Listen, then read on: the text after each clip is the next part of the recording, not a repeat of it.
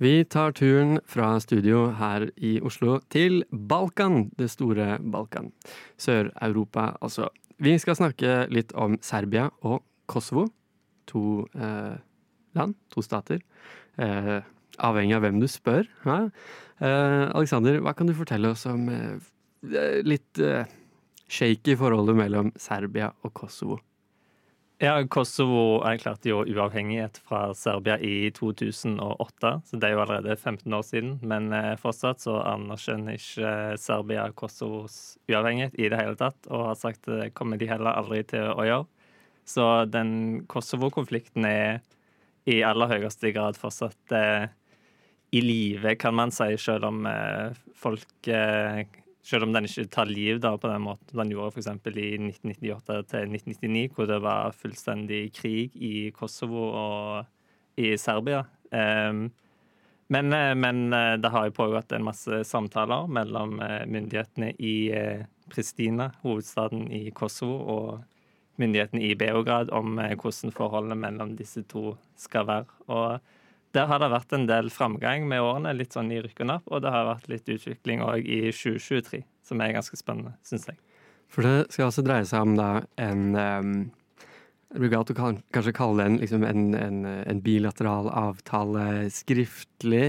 Det er ikke en, en Ja, det er ikke, det er ikke det det er snakk om, men det er heller en, slik jeg forstår det, en muntlig, litt da uformell um, fredsmekling som har pågått. Altså en normaliseringsmekling. Man forsøker fra EUs hold å få Serbia og Kosovo til å prate sammen.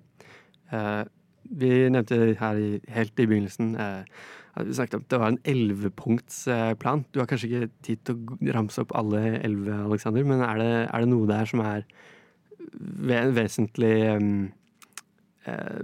et vesentlig avbrekk fra, fra, hvordan det tidligere har vært? Er det noe her som er noe, noe, noe virkelig nytt i forholdet mellom Serbia og Kosovo? Um, noe av det mest vesentlige er vel kanskje at eh, Kosovo og Serbia skal anerkjenne hverandres eh, symboler og offisielle handlinger, som det annet heter. Og at eh, Serbia ikke skal kunne nekte Kosovo å bli medlem i internasjonale organisasjoner, f.eks. Og Kosovo og Serbia har forpliktet seg til ikke å eh, representere, eller anta at de kan representere den andre på den internasjonale arenaen. Og eh, så er jo poenget at eh, man skal utvikle et, et godt naboforhold, da, sies det. Det er veldig spennende for den ellers litt eh, hva kan vi kalle det, eh, trøblete Balkan-regionen. Vi skal høre mer eh, om denne fredsplanen i dette innslaget. Du får den nå. I midten av mars i år kunne vi lese at Kosovo og Serbia var blitt enige om å iverksette en plan for å normalisere forholdet seg imellom. Det har vært svært spent mellom Kosovo og Serbia i mange år, og mot slutten av 2022 økte spenningene igjen. Deler av Kosovo var prega av uroligheter. Blant annet satte serbiske innbyggere over flere dager opp ei rekke veisperringer i protest mot arrestasjonen av en etnisk serbisk tidligere politimann.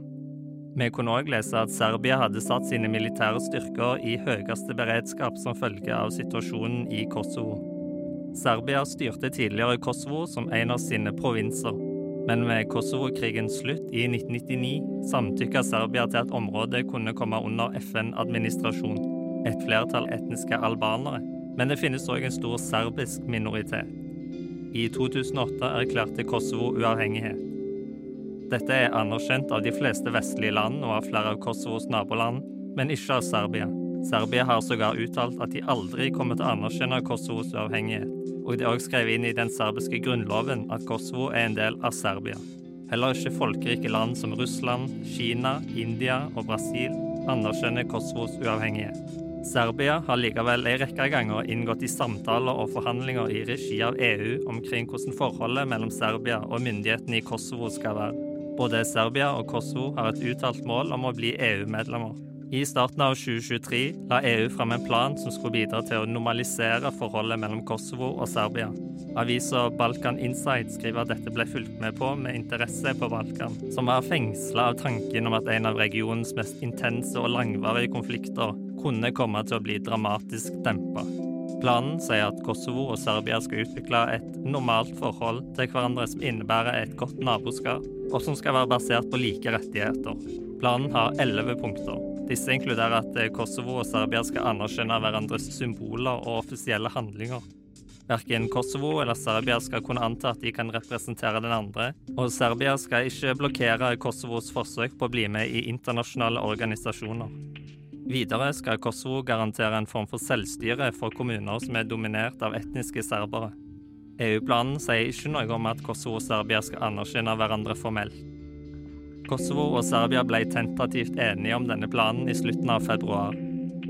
Både Kosovo og Serbia er sterkt avhengige av støtte fra EU, det inngår òg i avtalen som ble diskutert, at EU i løpet av 150 dager skal organisere en giverkonferanse for å tiltrekke ytterligere investeringer og finansiell støtte til Kosovo og Serbia. 18.3 møttes så statsministeren i Kosovo, Albin Kurti, og presidenten i Serbia, Aleksandr Vucic, EUs utenrikssjef Josep Borrell, for å holde samtaler om iverksettelsen av planen. Dette skjedde i Ohrid i Nord-Makedonia etter tolv timers samtaler kunne EUs utenrikssjef melde om at det var oppnådd en avtale. Borrell måtte i etterkant likevel poengtere at partene ikke hadde blitt enige om en så ambisiøs løsning som EU hadde ønska eller foreslått, men at de var blitt enige om et slags felles rammeverk. Det melder AFP ifølge svenska Yle. Serbias president uttalte at man var blitt enige om noen punkter, men ikke alle. Kosovos statsminister uttalte at han var klar til å underskrive en avtale, men at motparten hadde unnlatt å gjøre det. Reuters meldte ifølge NRK at Serbia og Kosovo hadde nådd fram til en slags enighet om å iverksette EU-avtalen som skal normalisere forbindelsene mellom Serbia og Kosovo.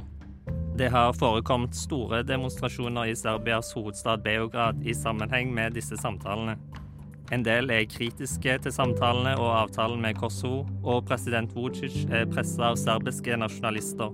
Og den kosoviske regjeringen har blitt møtt med kritikk fra sin opposisjon bl.a. pga. at planen ikke innebærer serbisk anerkjennelse av Kosovo. Statsminister Kurti uttalte ifølge Balkan Insight imidlertid at avtalen innebar en de facto serbisk anerkjennelse av Kosovo. Avtalen er en del av prosessen mot medlemskap i EU for både Kosovo og Serbia, og EU vil kreve at lovnader overholdes for at Kosovo og Serbia skal kunne bli medlemmer i unionen. Selv om samtalene langt fra ser ut til å ha vært knirkefrie, ser det altså likevel ut til i høy grad å ha vært utvikling i forholdet mellom Kosovo og Serbia. I det minste er det en muntlig enighet om iverksettelsen av EU-planen. Det ser ikke ut til å være så spent mellom de som det var mot slutten av fjoråret. Om og hvordan EU-planen vil bidra til å dempe konflikten mellom Kosovo og Serbia på lang sikt, gjenstår å se. Ja, Reporter i innslaget var Alexander Klyve Gudbrandsen.